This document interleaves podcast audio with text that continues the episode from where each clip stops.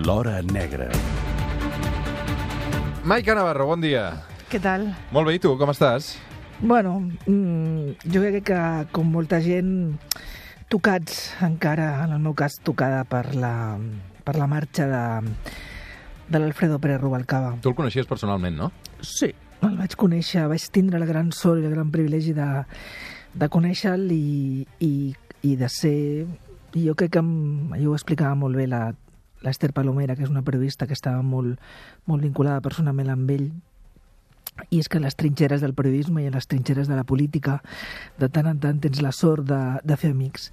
I l'Alfredo Pérez Rubalcaba era un, era un bon amic que a mi quan vaig aterrar a Madrid eh, sola i, amb, i sense fons i sense res a escriure pel Periódico de Catalunya el que era el final d'ETA i ell estava al capdavant del Ministeri de l'Interior em va ajudar molt, molt, molt, molt i segurament ens vam fer molt més amics pel fet de que jo estigués allà sola, sense família, i que quan estàs allà doncs, dediques moltíssimes hores a la feina i vaig descobrir un cert entranyable, un conquistador, un cancaridor molt, molt, molt atractiu. I que recordo que vaig escriure un, un perfil en el 2011 que, que em va permetre recórrer a casa seva, bueno, la casa del Ministeri, la casa que ocupava amb la Pilar a la seva època de, de, de ministre de l'Interior, que em va deixar tafanejar els llibres que s'estava llegint en aquell moment i que tenia la tauleta de nit, perquè ell era un devorador de novel·la negra, o sigui, l'apassionava, era un lector.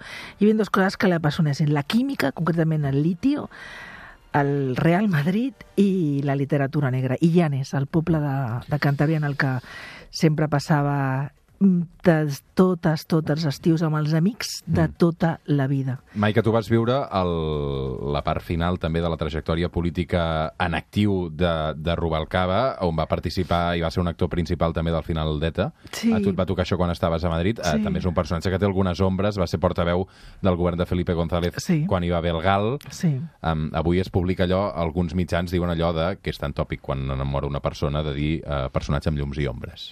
Bueno, mm, jo en aquests moments, si em permets, jo no em toca a mi fer crònica a l'avantguàrdia ni res, només Mm. jo, jo la meva experiència va ser aquests cinc anys de, de conèixer el personatge. Eh, als historiadors els hi tocarà, eh, i segurament ara, mm, col·locar el Rubalcaba en el lloc de la història que, que, mere, que, que mereixi, però a mi, en, eh, amb el tracte personal que vaig tindre amb ell, va ser una persona extraordinària i tot un cervell eh, i, un gran, i un gran polític. Va tenir ombres? Bueno, doncs la història, la Mira, història el jutjarà. El Joan Bot em fa recordar un altre moment clau de Rubalcaba, que és el dia de reflexió uh, després de l'11M, dels atemptats a Madrid, que ell va dir los españoles merecen la verdad, i precisament Zapatero va acabar guanyant aquelles eleccions, Sí. quan uh, Aznar ho tenia tot de cara, el que passa és que va fer aquella gestió pèssima. Um, Maica, un moment, uh, aparquem el tema Rubalcaba, uh, n'hem parlat també al llarg d'aquest matí. Tinc un regal per animar-te una mica al dia. Mm, Tu te'n recordes fa dues setmanes? Mm. És que la setmana passada no hi vam pensar. mm. 23 d'abril, Sant Jordi. Vas venir l'endemà al programa, al cap d'un parell de dies, i vas dir, com ha anat el Sant Jordi? I, jo, I tu em vas dir, fatal, perquè no m'han regalat cap llibre. No, no, jo no vaig dir això. Sí, escolta'm, posa'm una musiqueta. no, mentira. així. Jo et vaig dir que m'havien Sí, regalat sí. roses determinada gent, Sí. però que no m'havien regalat cap, cap I llibre. dir, I vam dir, Diagonal 614, sí, que vaig quedar oients... com una autèntica so, dona abando solterona abandonada que ningú li ha regalat Diagonal res. 614... Ja, que és el que tu pretens, doncs, No. donar-me aquesta imatge meva, No, no. que vagi pels carrers i la gent li faci pena. Diu, mira aquesta, que Hem ningú li rebut regala llibres. dos llibres aquesta setmana, com a Ah, mínim. Ostres, doncs Per per, què no m'ho has donat abans? Ara te'ls dono, vull que els obris en Ostres. directe. Un moment, deixa'm llegir què posa. Per la Maica Navarro, la direcció de Catalunya Ràdio, llibre per regalar. Es pot obrir, no sabem de qui és. Primer, va. Vull, vull, vull, vull. Llibreria Horitzons. Sí, amb un llibre... Muntanya, viatges i natura. Carrer Rosselló 268. Amb un llibre... Ai, un que llibre... nervios, com mola. Amb un sobre de color salmó.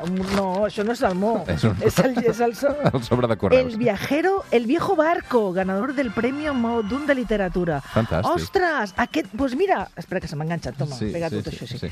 Ai, No, està això... dedicat, eh? Ai, què posa. sí. Què posa? Que gaudeixis molt d'aquesta lectura i feliç Sant Jordi. El Raquel i Oriol de la llibreria Horitzons. Home, Ostres, fantàstic. que molt, Doncs, moltíssimes gràcies, gràcies. Raquel i Oriol. Doncs mira, he, he sentit parlar d'aquest llibre, eh? Eh. Ai, mira, se'm posa la pell de gallina. Més. Més, més, més, més. Segon llibre. A veure, un moment, un moment, que aquí, aquí sí que està signat. Rosa Alguer, des d'Esplugues. A veure, va. Segur que no... em- Aquest és un sobre Què verd, més eh? podria dir que no tinc perquè me regalin més No, coses? no comencis a demanar això perquè... A veure, va, segon llibre. M'encanta això, eh? Ja ha passat no Sant Jordi, passat eh? No ho vida, sembla. això. A veure, va. Ep, ep. Jo et donaré ales, Epa! de Maria Roser Alguer Vendrells. Que maco. A veure, per a tu, Maica. Jo et donaré perquè ales, a la eh? vida trobis petites ales que t'ajudin a volar en llibertat i ser feliç. Un petó. Que mono. Ai, per favor. Hòstia, que maco. Moltes gràcies. Moltes, moltes, moltes, moltes gràcies. Ah, Veus? però, però T'hem és l'autora. És l'autora? Sí, sí, t'ha enviat el seu llibre. T'ha enviat ah, el seu sí. llibre. Ostres, quan Jo jo, vaig conèixer el Dani s'havia passat mitja vida entre reixes. Maica, Ai, sí, doncs- uh, ja, ah, el- vale, vale. ja el llegirem, eh? Vull dir que moltes gràcies a tots els oients que heu fet arribar llibres aquesta setmana a la Maica. I per què no m'ho vas donar la setmana passada? Per què no hi vam caure? Estàvem allà amb el llibre, estàvem que et fa- distrets. No, que et fa enveja, no, no, que et fa ràbia. Una mica sí. Però ara no faris cap crida perquè eh, sí, ja ho saps. Moltíssimes gràcies, eh? Avui amb, la, avui amb la Maica Navarro a l'Hora Negra marxem cap a Viladecans. El dia de la desaparició, el cotxe de la dona es va trobar aparcat al carrer, a prop de l'oficina de l'agència tributària on havia anat a fer uns tràmits. Havia avisat un familiar que no trigaria gaire, però mai va tornar. Avui amb la Maica Navarro, el cas, la desaparició de Janet Jumilles. Dilluns farà dos mesos que està desapareguda. Això és el que explicàvem també els informatius d'aquesta casa i de TV3. Uh, anem a pams perquè és un cas molt recent que encara no està resolt. Maica, qui és Janet Jumilles? Doncs la Janet és una, és una dona de 39 anys, veïna de, de Viladecans, mare de dos nens petits, que el 13 de març, com deia la companya, va a l'agència tributària de Cornellà a fer una gestió i estaciona el seu vehicle molt a prop d'aquesta oficina, mai arriba a fer aquesta gestió i desapareix. O sigui, o sigui, el seu rastre desapareix. És veritat que abans d'entrar ella envia, eh, o sigui, un cop ha estacionat el vehicle, envia un missatge de veu de WhatsApp al seu nebot, amb el que habitualment esmorza cada dia. I li diu, és un tall de veu en el que diu, escolta, Espera, espera que el tenim. Val. El posem? sí, Eh, estoy aquí en Cornellá, ahora cuando salga de aquí te aviso, ¿vale? Media hora por ahí. Estava a Cornellà, havia de fer aquesta gestió, però insisteixo, mai entra en aquesta oficina de, de, gent, de l'agència tributària i els seus familiars comencen a preocupar-se, a preocupar-se, fins que presenten una denúncia per desaparició. Mm -hmm. 13 de març. Aquell dia va acompanyar el seu fill a l'escola, havia d'anar a Cornellà i desapareix. Ja no va tornar més a Viladecans. Què va passar? Doncs bé, el que va passar havia estat una incògnita fins a aquesta mateixa setmana. Era una incògnita, o sigui, en el primer moment els familiars presenten una denúncia per desaparició i comença una investigació a Mossos d'Esquadra. No passa desapercebut el fet de que 48 hores després d'aquesta denúncia la investigació l'havia encetat al grup d'homicidis de la regió policial metropolitana sur i a terra, en Viladecans, una altra unitat de la que hem parlat sovint aquí, que és la unitat central de desapareguts de Mossos. Aquests que són? Són els Mossos que s'encarreguen d'investigar desaparicions inquietants, és a dir, quan ells sospiten que hi ha hagut un crim i que aquest crim s'ha amagat com a forma de desaparegut. Són els que van fer Ramon Lasso i els que han investigat investigant a dia d'avui el, crim de, el crim del pantà de Susqueda. Mm. Quan ells van aterrar a la investigació, els periodistes ja vam sospitar que no era una investigació, que no era una desaparició voluntària i que aquí el que hi havia al darrere, el que investigaven Mossos, és que la dona havia estat assassinada i que el seu assassí havia intentat fer veure una desaparició. Uh -huh. A tot això, paral·lelament, mentre els Mossos obren aquesta investigació i van fent eh, doncs, eh, les seves incursions, la família també es mou. Nosotros, pues claro, nos sospechamos de que, que, claro, ha sido raptada o secuestrada o yo no sé. No, sabe- no sabemos nada. Todo el mundo es sospechoso de, de, de haber hecho algo sobre ella. Nadie ha dicho nada, nadie ha visto nada. Aquest és el germà de la Janet, és el Fernando. Um, crec que més té un, tenia un panorama familiar uh, complicat. La història de la família Jumilles és, és en aquests moments dramàtica i en, i en aquests moments la mare, la, la, Carmen, la Carmen Penya, doncs, pensa que en, aquests, en pocs mesos, pocs mesos, ha enterrat a una filla gran que va morir de càncer, a una germana seva que va morir de càncer, i amb un altre fill, eh, el Paco, que un mes després de la desaparició de la Janet, eh, la família cada dimecres en una plaça de Viladecans feien unes, unes manifestacions, unes concentracions amb els amics i amb els veïns per reivindicar que es busqués, per ens mostrar la seva fotografia, per mantenir viu el record de la Janet. I després d'una d'aquestes concentracions tota la família marxa a un lloc, un, lloc, un establiment molt, molt característic de Viladecans i que tothom que, que, que, que és d'allà i que us, se sent ara ho recorda, que és el Frankfurt de la Rambla de tota la vida i està tota la família menjant i aquest el Paco s'ennuega amb una salxitxa i, i, i, i és que l'envien a Vall d'Hebron i es va morir i el van enterrar fa tres setmanes. O sigui, Ara, aquesta dona té un panorama terrible i ara fa exactament el dimarts al matí els Mossos d'Esquadra van anar a casa d'aquesta dona que ja et dic que fa tres setmanes que va enterrar amb un altre fill en aquestes circumstàncies tan dramàtiques i el que li van dir és Uh, senyora Carme, d'aquí unes hores detendrem el principal sospitós de la desaparició de la seva filla. Encara no sabem on està el cadàver, però sí tenim indicis de que la seva filla és morta. Què espera aquesta dona i la família? Doncs trobar que Mossos retrobi el cadàver per poder enterrar-la i acomiadar-se en, en pau. Avui el suplement amb la Maica Navarro a l'Hora Negra, el cas de Janet Jumilles.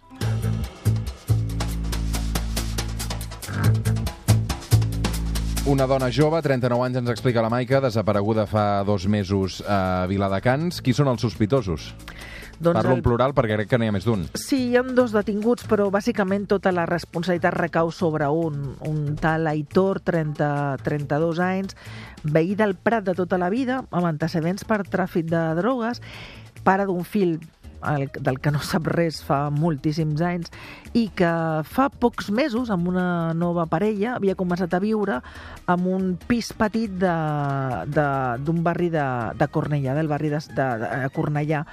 Doncs és en aquest, és en aquest pis de, de Cornellà, en el número 33 del carrer Ramon Salim Assaguer, on és detingut aquest home i on els investigadors sospiten i tenen acreditat que va ser l'escenari del crim. És a dir, què van fer els Mossos? Els Mossos saben que la Janet Jumillas no estaciona el seu vehicle a Cornellà, molt a prop de l'oficina de l'agència tributària, mai entra a fer aquesta gestió a Hisenda i el seu telèfon mòbil, i per mòbil, per, per, per, el rastreig d'aquest telèfon mòbil i per càmeres, saben que ella tenen confirmat que la Janet, de manera voluntària, entra en aquest pis d'aquest home que és amic seu, és un, no és amic amic, és un conegut.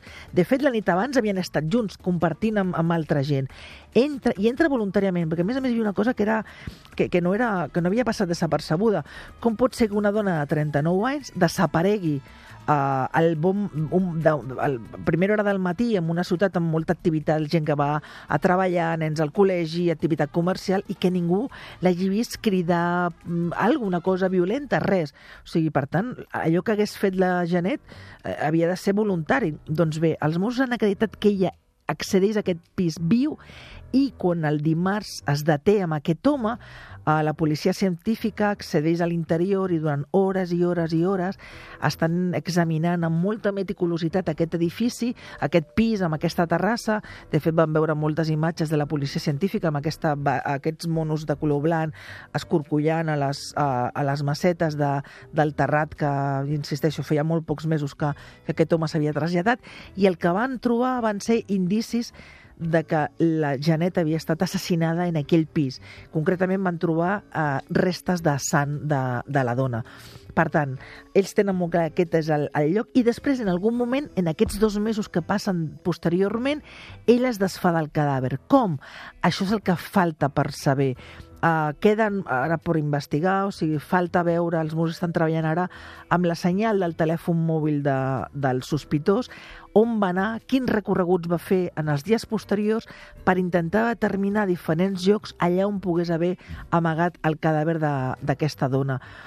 Um, això és el més, el més important. Ell no ha volgut declarar, ell el dijous va passar a disposició judicial, no es va acollir el seu dret a no declarar, va estar acompanyat d'un lletrat d'ofici, de, del torn d'ofici, l'advocat Lluís Casas, que és un, és un històric de...